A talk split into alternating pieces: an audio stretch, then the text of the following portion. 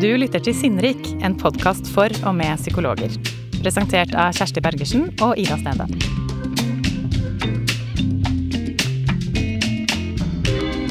Overgangen fra å være psykologistudent til å gå ut i jobb som psykolog kan oppleves dramatisk.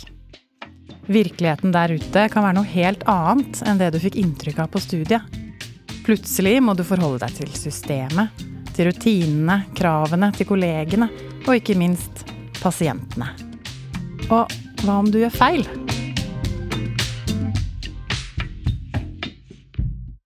Jeg heter Ida Stendal og er psykologiredaktør i Gyllendal. Flere psykologer jeg har snakket med, sier at det første de gjør når de står i noe vanskelig på jobben, er å spørre en kollega eller ta det opp i veiledning. Innsikten og kunnskapen som kommer fram i sånne samtaler, får bli skjult for de fleste. Det blir værende der mellom de to. Og så er det jo mange som sitter med de samme problemstillingene, og kunne hatt nytte av de samme innsiktene. Så dette her kan fungere litt veiledende. Så da har jeg fått litt veiledning. I denne episoden skal vi lytte til en veiledningssamtale. Du skal få høre Pernille Randen, som er en nokså ung og nyutdannet psykolog, få veiledning av Guro Øyestad, som er en psykolog med lang erfaring som terapeut, veileder og lærer. Hei, Pernille. Hei. Hei, så hyggelig å se deg. Deg òg. Mm, bra. Ja, da er det veiledning igjen, da. Ja. Mm. Har du tenkt noe på hva du har lyst til å bruke veiledningstiden til i dag? Har du noen temaer eller noen problemstillinger? Ja, det er litt flere ting. Men det jeg sitter kanskje og kjenner mest på nå, det er jo litt det siden jeg vet at det blir tatt opp. Det er litt den frykten for å bli avslørt. Det, Ja. ja. Sitter litt og kjenner på sånn, hvis noen skal høre det, at de tenker 'herregud, er hun psykolog?' Og så spør hun om dette, liksom. ja. ja. Og jeg, jeg ler litt når du sier det, for jeg kan umiddelbart kjenne meg igjen i det. Ja. Uh, at jeg, kan, jeg har vært litt nervøs. Og jeg tror det handler litt om det samme. At jeg kan bli redd for at folk skal tenke Hæ, har hun 30 års erfaring? Er hun veileder, liksom? Så da, da sitter vi der litt i samme båt. ja. Men kan du kjenne på det, det engstelsen for å bli avslørt tema sånn ellers i psykologrollen? Ja, jeg kjenner på det mye Eller ikke mye, men jeg kjenner på det en del på jobb. Mm. Hvis det kommer inn pasienter som har høyere eller sånn mye forventninger til hva vi skal få til, eller jeg har gått til psykolog før, Mm. eh, så kan jeg kjenne litt på ja, den der følelsen av at plutselig Oi, shit, i dag er det den dagen jeg blir avslørt. Ja, ok, nå kommer det, liksom. nå nå, kommer det. nå viser det seg at Ja. Eh, Har du det ofte sånn, eller? Eller er det mer sånn en gang iblant? Det er en gang iblant, så det kommer på litt sånn rare tidspunkter også, hvis vi, jeg drøfter med kollegaer, eller skal snakke med fastlege, eller Mm. For det er sånne personer som jeg fremdeles tenker litt på som sånn autoritetspersoner. Ehm, at, da kan jeg få sånn den tanken Herregud, nå skal de liksom snakke med en psykolog i spesialisthelsetjenesten som kan ting, og så snakker de med meg. Ja. Men Hvordan pleier, du å, hvordan pleier du å snakke med deg selv, da? Når, når den frykten for å bli avslørt kommer? Nei, hva gjør jeg da? Jeg tror jeg prøver å bare liksom overhøre den litt, og heller Mm. fokusere på det som skjer. Altså vende fokuset ut mot det som skjer i Ja. samtalen, eller over på den andre, eller mm. Ja. Ja. Prøver å legge det litt bort. ja. Vi. Virker det, syns du? Um, ofte gjør det det. Ja. Og så ja, kommer jeg ofte over i noe annet, eller så sier eh, den fastlegen noe som jeg tenker at eh, ja, du var menneske du òg, eller Ja. Det er ikke så skummelt som jeg tenkte, da. Ja, det høres veldig lurt ut, det du gjør der. Det er jo ofte veldig lurt når man er engstelig eller nervøs, å prøve å slippe tak i den derre selvbevisstheten, Ja. eh, og så og så vende blikket ut. Mm. Det høres ut som et lurt grep Ja. du gjør der. Mm. Når det funker, så er det Når det funker. Så er det kanskje vanskelig noen ganger òg å gjøre det. Å få vendt fokuset bort eller ut. Ja, Mm. det kan jo være det òg. Kan jo være det. Mm. Men jeg kan jo si til deg der også, da, at jeg kan også kjenne meg igjen fortsatt. At jeg kan også, etter alle disse årene, innimellom tenke at å nei, shit altså, nå skjer det. Nå blir jeg avslørt som udugelig. Ja. Sånn at det, det er kanskje noe vi har i oss. Ja. Sånn, sånn fordi det er eh, Vi skal få til så mye, og det er store forventninger. Mm. Eh, Kanskje folk har det i andre yrker også, men at det er eh, en del av noe vi må håndtere. Ja, jeg kan jo kjenne det igjen i mange av pasientene, og det er jo et Mm. tema som går igjen. Det å ikke føle at man ikke mestrer de rollene man har. Mm. Altså, det bruker jeg kanskje litt som støttetanke, da. At det er flere som har det sånn. Ja, Ja.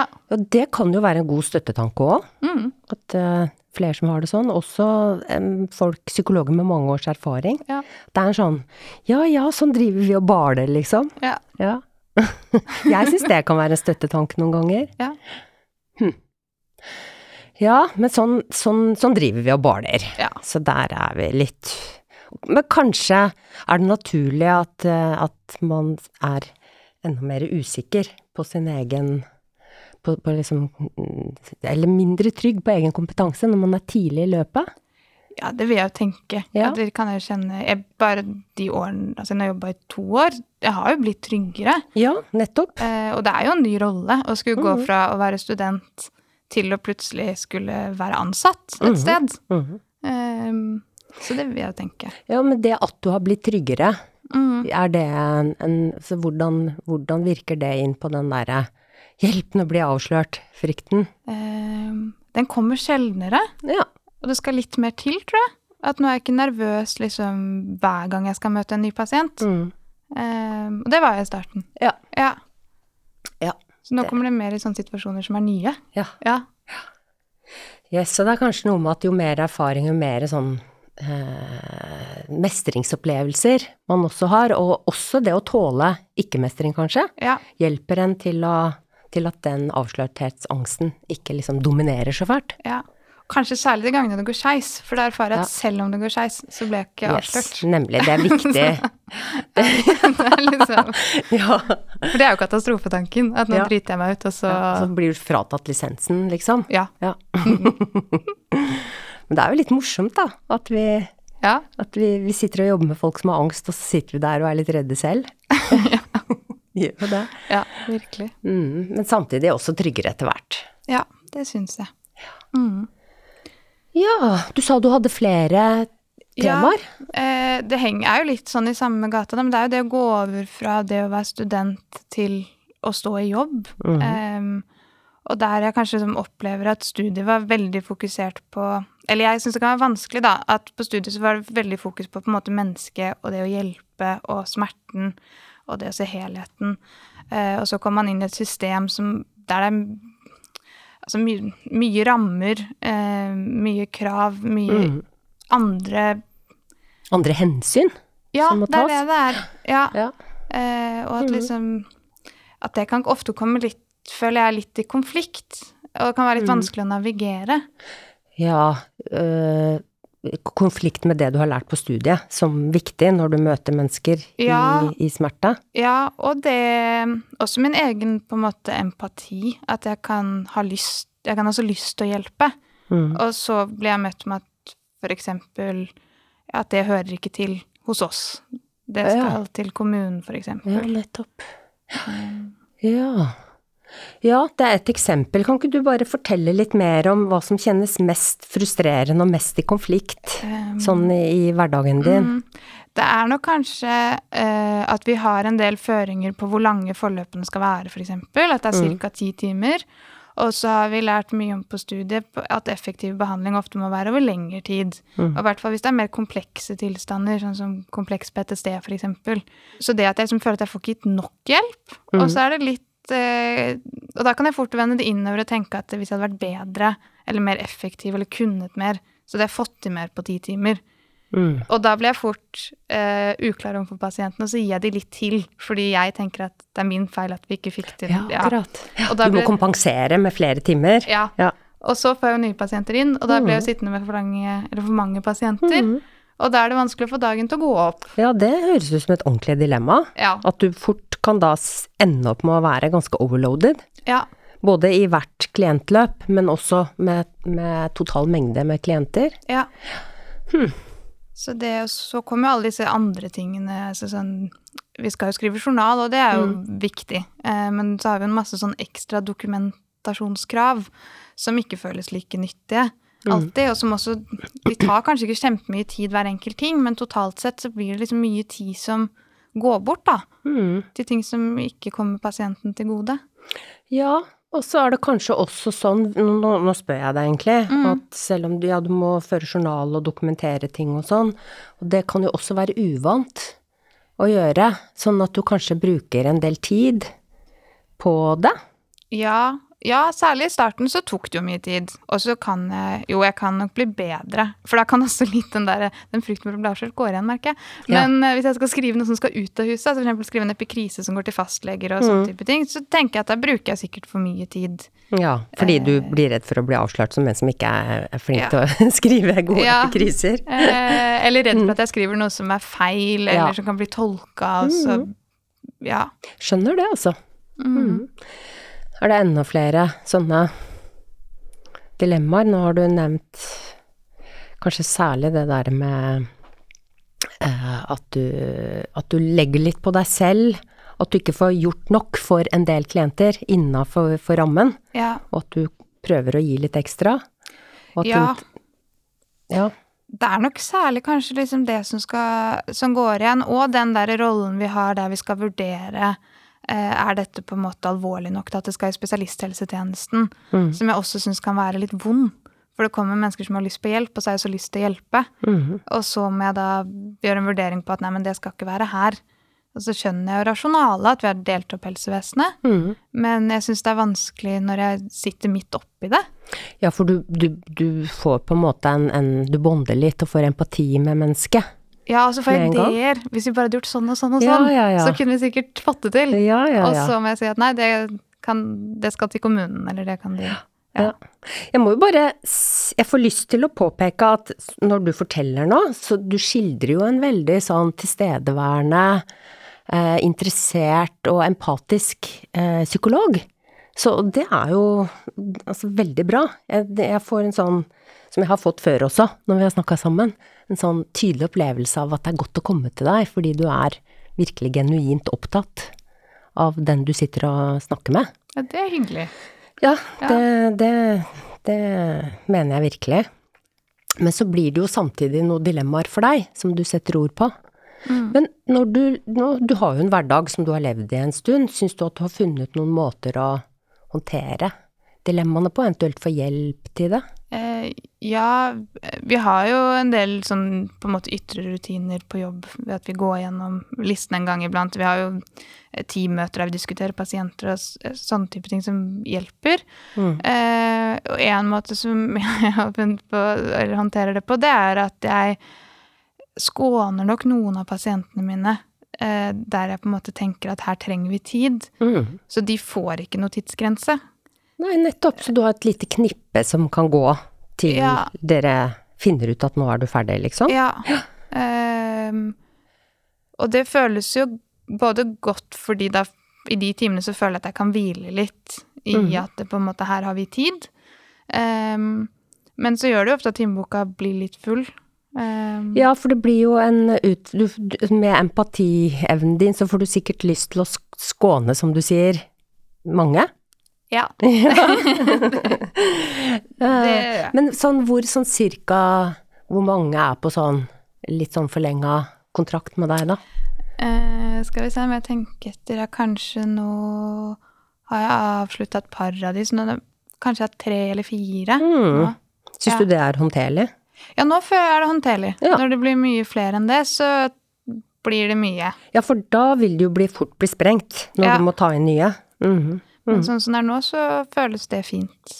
Ja, så det høres jo egentlig ut som et veldig godt grep. Er det et grep du gjør litt sånn i det skjulte hos deg, eller er det policyen?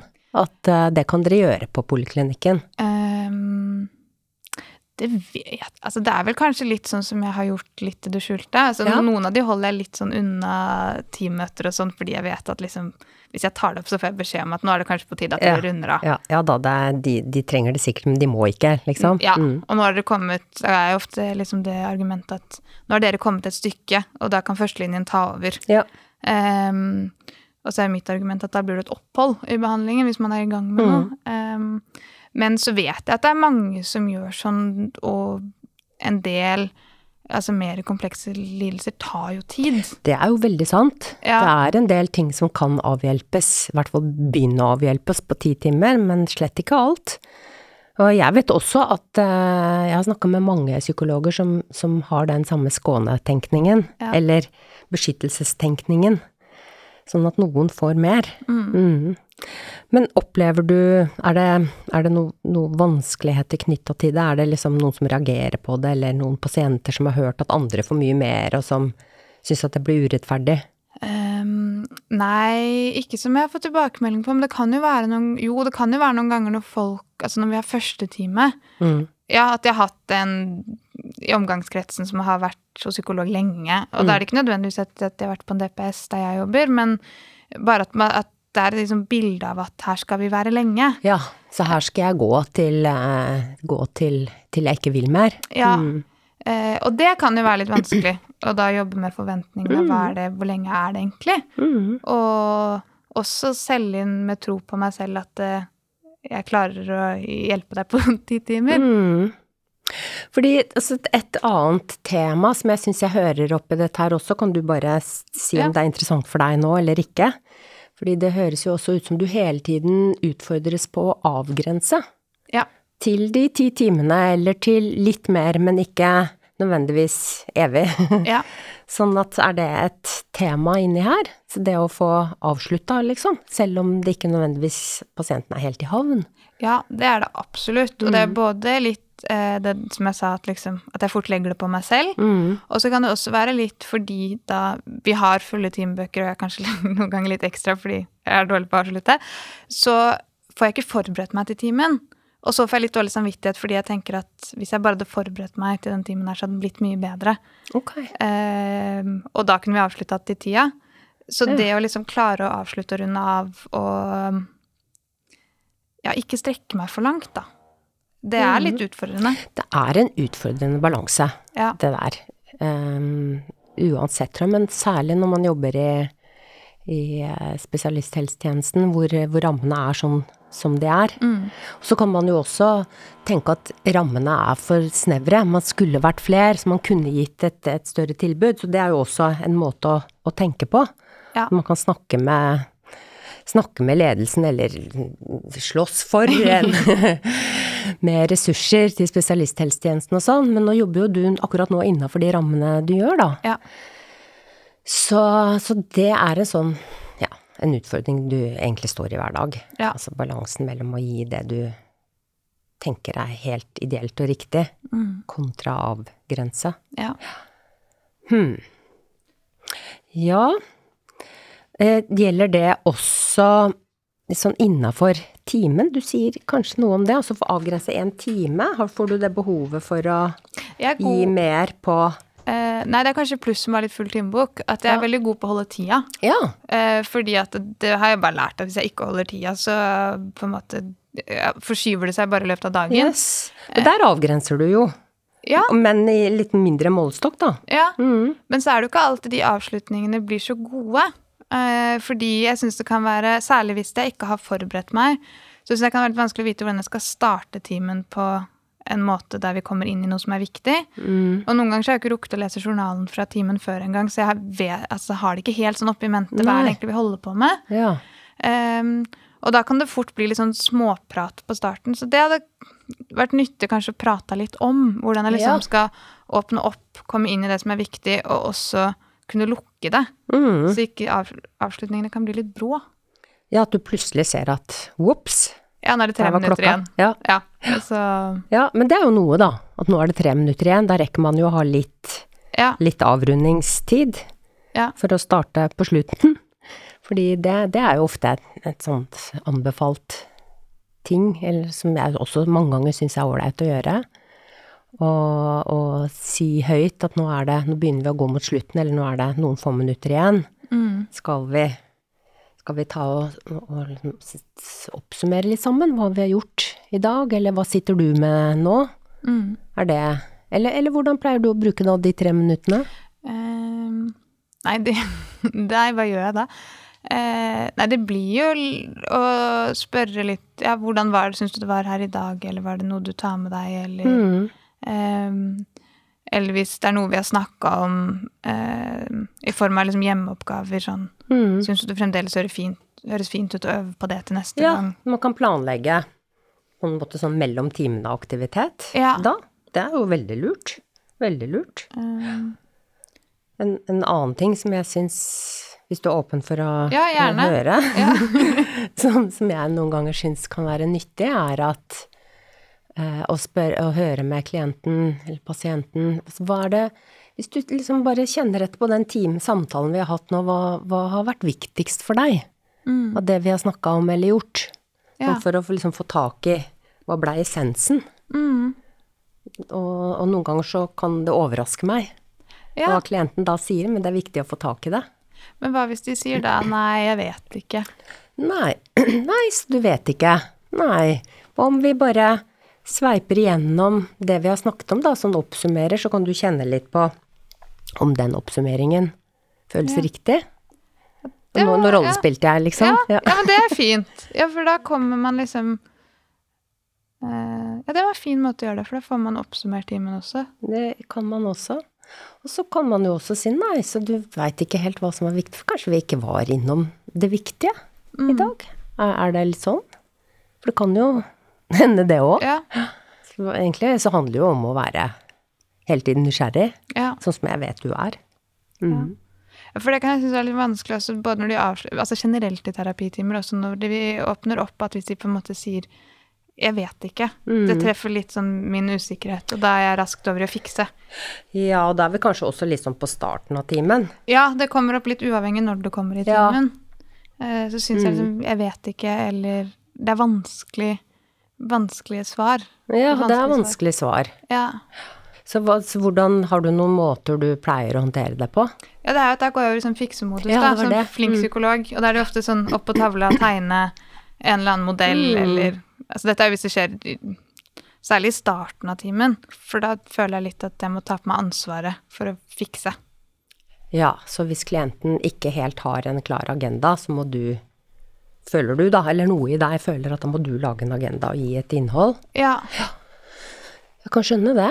det du har jo et ønske om at det skal skje noe. Ja. Mm. Men så hvordan blir det? Høres ut som du også på en måte er litt sånn ikke trives helt med det. Ja, for det som kan skje Altså enten så kan timen starte litt med at, de, at det blir litt mye smalltalk, eller at de forteller litt sånn hva de har gjort siste uka, eller der jeg egentlig sitter og kjenner litt Mm. på at nå sløser vi jo litt tid For det er ikke alltid det er så viktig. Nei, det blir mer sånn resymé av uka. Ja. ja. Um, eller at jeg da ja, begynner å fikse og, uh, på tavla. Noen ganger så kan vi komme inn i noe som er nyttig. Mm. Men det som også noen ganger kan skje, er jo at vi da sitter, og så er det 20 minutter igjen, og så kommer det som egentlig er viktig. ja, ja, ja. Og da sitter jeg jo litt på slutten og sliter med de tre minuttene, eller sånn, og lukker det igjen. ja. Eh, Så noen ganger så kan det gå fint at du tar et ansvar, at du har en agenda som stemmer med pasienten, mens Mm. andre ganger så, så blir det på siden. ja, Eller i hvert fall ikke der hvor klienten var. nei eh, Ja, det kan bli litt på siden, og det blir litt lite sånn sammenheng ganger, altså i terapiløpet. Mm. Ehm, så det med liksom strukturen av timen generelt kan jeg synes at det er litt vanskelig. Mm. Mhm. Men hva om, om vi måtte bare snakke litt om, brainstorme litt på, på hvordan kan være gode innganger når pasienten kommer og 'nei, jeg veit ikke'. Mm, Jeg veit ikke helt, jeg. Er litt sånn ikke, ikke på, liksom. ja, Mm. Hmm, er du åpen for ideer? veldig åpen. Så bra. Ja, for jeg har jo også vært borti, opplevd det mange ganger. Mhm. Og en, en måte som, som, jeg, som jeg ofte føler er god, fordi den Fordi jeg ikke overtar ansvaret for å fylle den timen, men inviterer pasienten på en sånn hyggelig måte, syns jeg selv, da, til å, å ta sitt medansvar, som vi jo som vi vet, vet er viktig. Er at jeg kan være sånn veldig aksepterende. Sånn hvis du er pasienten som sier 'nei, jeg veit ikke', så si det. Ja, jeg vet ikke. Nei, så du vet ikke helt. Du vet ikke helt hva du vil bruke timen til i dag, eller hvor, hvilken tråd vi skal hente opp. Nei. Liksom? Nei, sånn kan man jo ha det. Det, det kan jeg godt skjønne. Du kommer sikkert fra et eller annet, og det ja, ikke så lett å omstille seg, men vi, om vi bruker litt tid til det? Nå at du kjenner litt etter, liksom vær litt på din egen innside og tenk på, på hvor du er hen nå, og hva vi har snakket om så langt. Sist så snakket vi jo om Og så sier jeg litt sånn vi, hen- at jeg henter opp igjen, da. Kjenn litt hvor du er, hva, hva som er viktig. Bruker vi litt tid på det, ser vi hva som dukker opp i deg. Litt sånn, nå ble det veldig ordrikt da, men skjønte jo, du? Ja, og det føltes godt når du sa det. Ja. Mm. Altså, jeg kunne kjenne litt sånn at eh, For det har jeg tenkt på noen ganger også, det kan jo være litt for at pasientene også kjenner litt på sånn prestasjon når de kommer Mm. inn. At nå må jeg liksom komme og si noe sykt smart til psykologen, eller det har skjedd noe spennende, eller Ja, nå må jeg fortelle om framskritt, eller Ja. noe sånt. Ja. Så det føltes veldig sånn eh, Som vi fikk landa litt. ja, så det høres jo bra ut. Mm.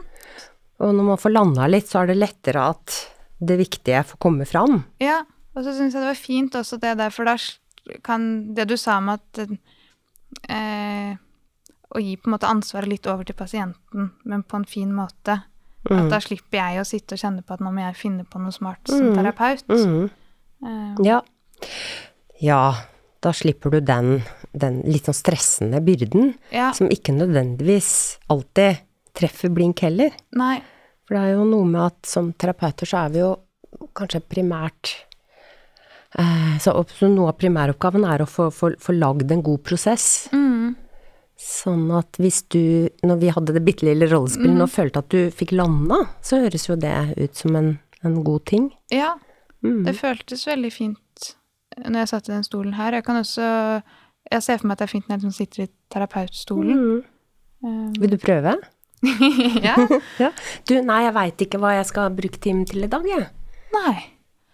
Men hvis vi bare, hvis vi bare tar oss og liksom puster inn og ut, og så bare kjenner litt innover på hva som dukker opp, så kan du tenke på at forrige gang så snakka vi jo litt om eh, hvordan det var vanskelig å komme seg på jobb, eksempel. Mm. Kan du kjenne litt, føles det ut som et godt sted å starte, eller kjenner du at noe annet Mm. dukker opp? Ja. Da, da kan vi stoppe rollespillet.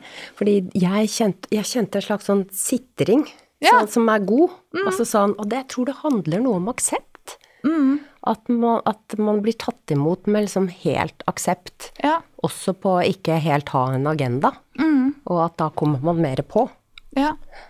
Jeg lurer på om det vi holder på med nå er en sånn aksept, aksepterende holdning som allikevel er pr prosess Hva skal vi si inviterende. Ja. Eller medansvarsinviterende. Ja, for det er den jo absolutt. Det er liksom ikke noe at du bare sier nei, men da vet du ikke, da avslutter vi timen, da. Ja, nei, men Altså, da hvis du Kanskje vi skal avslutte hele terapien, hvis du aldri veit. Ja. Ja. Så sånn er det jo ikke. Så det, det skal jeg ta med meg. Du kan jo teste det ut, og så Ja. kan vi snakke mer om hvordan, hvordan det funker for deg. ja. Og, og jeg ble også litt nysgjerrig på, du sier at du skulle ønske at du hadde mer tid til å forberede deg mm. til timen. Hva, hva tenker du på? Nei, det er kanskje litt, noen ganger i hvert fall, den derre litt sånn øh, øh, flinke psykologen eh, At jeg tenker liksom at jeg skal ha med meg noe smart, eller Mm. Og litt igjen det der med at vi har ti timer, at nå tenker jeg at nå må vi bruke den tida sykt godt Mm. for å få til noe. Ja. så nå er det liksom ikke tid til å eh, At jeg ikke vet. Men så eh, Noen ganger så er det jo reelt hvis det går veldig i ett. At det er noe med det å kunne liksom lande litt før jeg går inn i en ny time. Mens andre ganger så tror jeg mest er det litt den der bare følelsen av at jeg burde. Ja, og det er kanskje litt forskjellige ting. Ja. Fordi jeg, jeg tror at du vil slappe mer og mer av, og du har sikkert også allerede gjennom erfaringen din begynt å slappe litt mer av på Du trenger ikke å lese deg opp helt nytt Nei. og bredt på absolutt alle temaer hele tiden. Men, men det derre, den andre delen av det med å nullstille deg litt, få lest gjennom forrige times journalnotat, tone deg inn på den pasienten du nå skal møte, og liksom risle det du har vært i, litt sånn Ja. ut av systemet, det tror jeg er viktig. Så det å ha, ha litt tid til det. ja. Så, men hvor lang tid føler du at du trenger til det? Jeg trenger egentlig ikke så lang tid. Eh, det er bare noen minutter. Ja, det er bare noen minutter, det er ikke snakk om et helt kvarter nødvendigvis. Nei, jeg har et kvarter mellom timene, Ja. men det skal jeg jo fylle med en del ting. Ja. Eh, Men det å bare ha et par minutter på en måte bare til å ikke gjøre andre ting, altså gå og fylle vannflaska eller Mm. eh, ja, la oss si du har, hvis vi tar i litt, da, Ja. legge på dobler, fire, kanskje fem, fire-fem Ja. minutter, da vil du ha tid til å fylle vannflaska, drikke litt vann, lese journalnotatet, eh, Ja. innstille systemet ditt Mm. på den personen. ja. Og bare det å puste litt. Bare det å puste litt, ja. Ja. Litt sånn som vi nettopp drev og rollespilte, at pasienten kunne gjøre. At du får gjort det litt for deg selv Ja. før du begynner. Det syns jeg høres veldig lurt ut. Mm. Og, og en grunn til at jeg syns det høres lurt ut, er at jeg kjenner på det behovet selv. Mm. At jeg må også det. Ja. Men eh, det er ikke så mye som skal til. Men det er det å, å, å, å få gjort det. Ja. Og så få, få innstilt systemet sitt på det mennesket som nå skal komme. Og jeg tror kanskje det er det aller viktigste. Mm. Eh, Fordi vi vet jo at det å være til stede og på plass i relasjonen og på en måte oppleves som en som virkelig er der og prøver å forstå, og også, også by på noe, noe som eh, Noe som eh, gir noe. Ja. Eh, Men det kan jo være så mye. Det er det viktigste. Altså være et menneske som er der på plass. Og det er jo det du nå skildrer.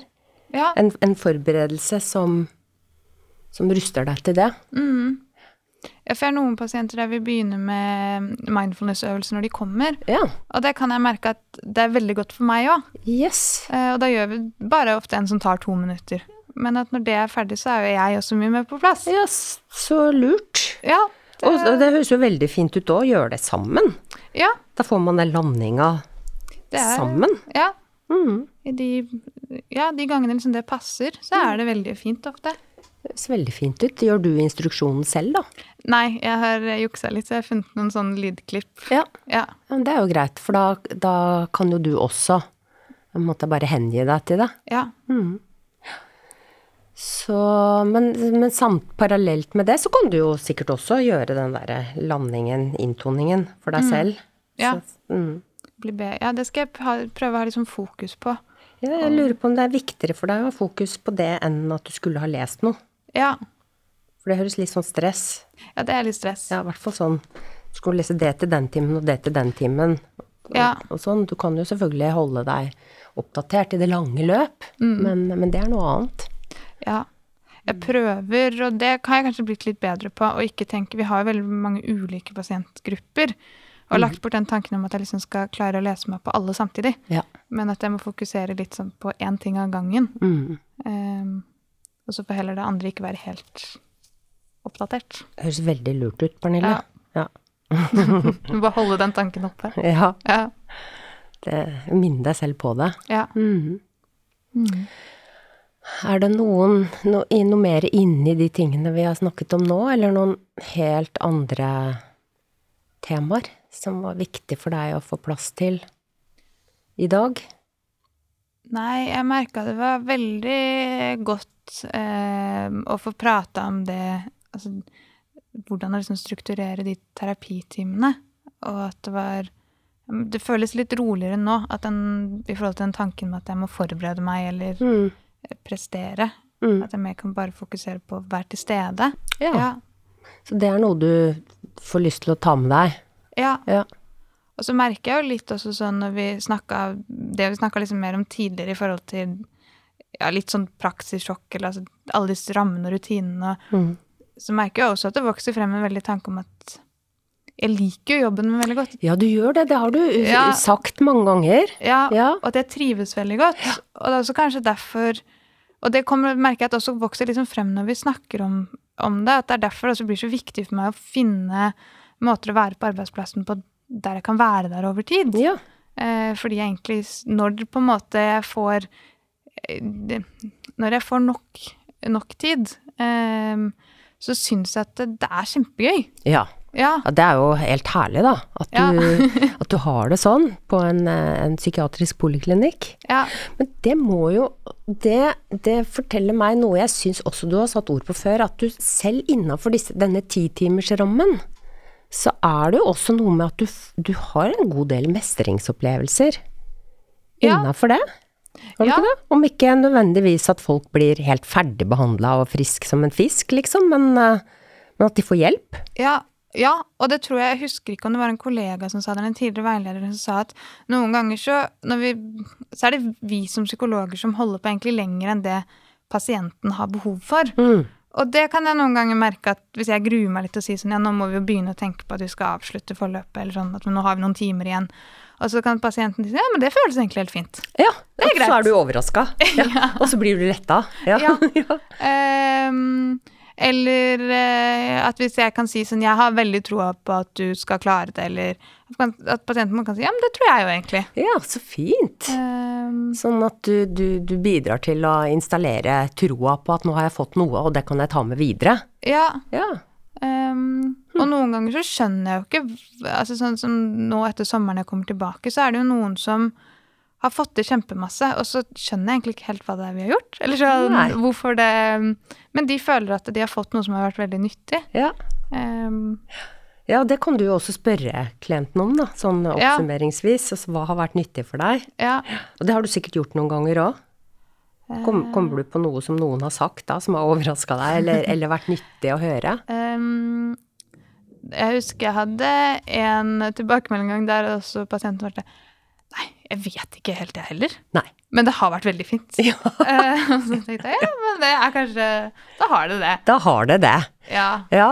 Jeg husker en eh, klient jeg hadde, en, en tenåring, som, som også syntes at det var veld, hadde vært veldig nyttig, men som ikke klarte å si noe, noe veldig konkret om det. Men hun sa da at Men jeg lurer på om det har virka ubevisst på meg. ok, så de samtalene vi har hatt, de har virka ubevisst. Ja. Ja, og det syns jeg var egentlig ganske søtt sagt. Ja. Men jeg tror at jeg vet noe om eh, eh, ett element, i hvert fall, ja. i, i det som skjer mellom deg og pasienten når det når pasienten er fornøyd og syns hun eller han har med seg noe. Fordi jeg, jeg, jeg, jeg tror at litt sånn i tråd med det at du er empatisk og nysgjerrig og til stede, så tror jeg for mange at det å komme og snakke om livet sitt og strevet sitt på en sånn åpen måte med deg som terapeut, som, som er ordentlig til stede, og som jobber med å forstå og lirker og kanskje har noen innspill og noen forslag, eller dere kommer fram til noen ting sammen, at det er, eh, at det, det er mm, en, Den aktive endringsfaktoren er korrektiv erfaring. Ja. At man har en, en ny erfaring på å bli tatt imot, og bli forstått og bli akseptert.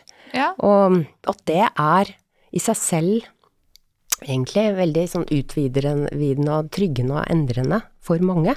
Særlig f- hvis mange er jo ikke så vant til det Nei. i livet sitt. Sånn at eh, Hvordan klinger det i dine ører? At det er rett og slett det har vært en sånn Ja, en, en, en god korrektiv erfaring som hjelper folk til å få tak i sine egne ressurser. Ja, det, det gir mening, og det, det er For det, det har jeg jo fått tilbakemelding på, at liksom Ja, du er den første som jeg kan fortelle dette til, Mm. eller Ja, du forstår jo faktisk, eller Mm.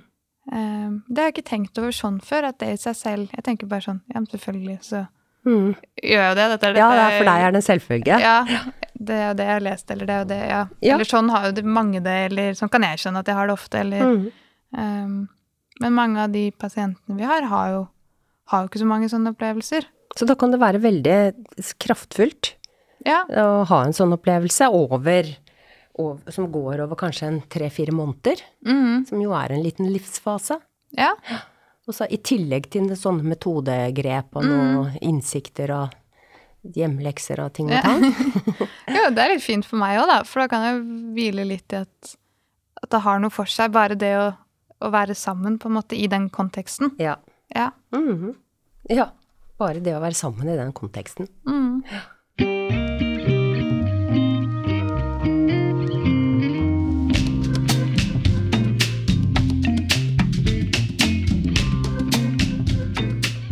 Ja, Guro og Pernille, nå har jeg sittet og hørt på dere.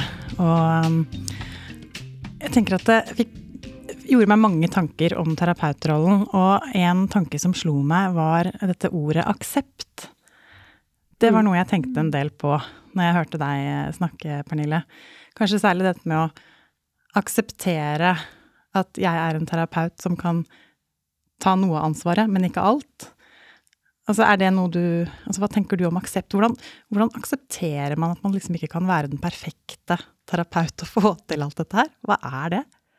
Nei, jeg tenker det er litt interessant. Jeg tenker det er bedre til å prøve å hjelpe pasientene til å akseptere enn For det er mye av det vi jobber med, handler jo om aksept. Akseptere det man ikke får til. Eh, livssituasjon. Akseptere seg selv, sine egne følelser. Um, så jeg er kanskje bedre på pasientens vegne enn på mine egne. Ikke Ja, sant? Ja. Man sitter og egentlig prøver å få pasientene til å, å forstå at dette er ja, Jobbe med aksept, og så, og så trenger man det kanskje litt selv også. ja. Mm. Hva tenker du om det, Guro?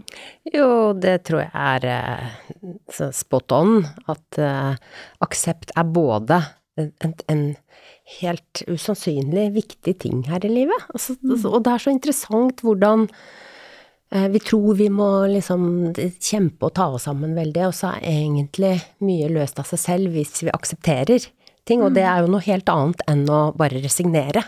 ja. Å akseptere er mye mer å ta inn over seg hvordan det faktisk er. Mm. Og i terapi så er det jo sånn at du kan ikke ta alt ansvaret som terapeut. Da får du ikke en prosess. Nei. Sånn at det er jo også noe med å puste ut, som du snakket om, Pernille, som er en god måte å gjøre aksept kroppslig. Puste ut, og inn og ut igjen. Og så se på situasjonen og ta, ta den inn over seg. Så, sånn at det er det, det er eh, et kjernetema i livet. Og morsomt at det var det du satt igjen med. Ja, og morsomt at du sier at det er ikke det samme som å resignere. Nei, det er veldig viktig. Det, Mm. tror jeg, det tror jeg vi skal Ja, for mange er redd for aksept fordi de tror at da gir jeg opp. Nettopp. Men ofte så er jo aksept starten på eh, endring, og endring kan være å akseptere. Punktum. Men, men det kan også være starten på at noe skjer. Ja. Tusen takk for at vi fikk eh, ha dere med, Guro og Pernille. Veldig hyggelig å være her. Tusen takk. Du har lyttet til Sinnrik, en podkast fra Gyllendal Psykologi. Dagens gjester var Guro Øyestad og Pernille Randen. Produsent var Sunniva Glessing, Johannes Amble har laget musikken, og jeg, Ida Stendal, har vært programleder. Gå inn på våre nettsider og meld deg på vårt nyhetsbrev. Da holder du deg oppdatert på nye episoder og utgivelser. Takk for at du hørte på.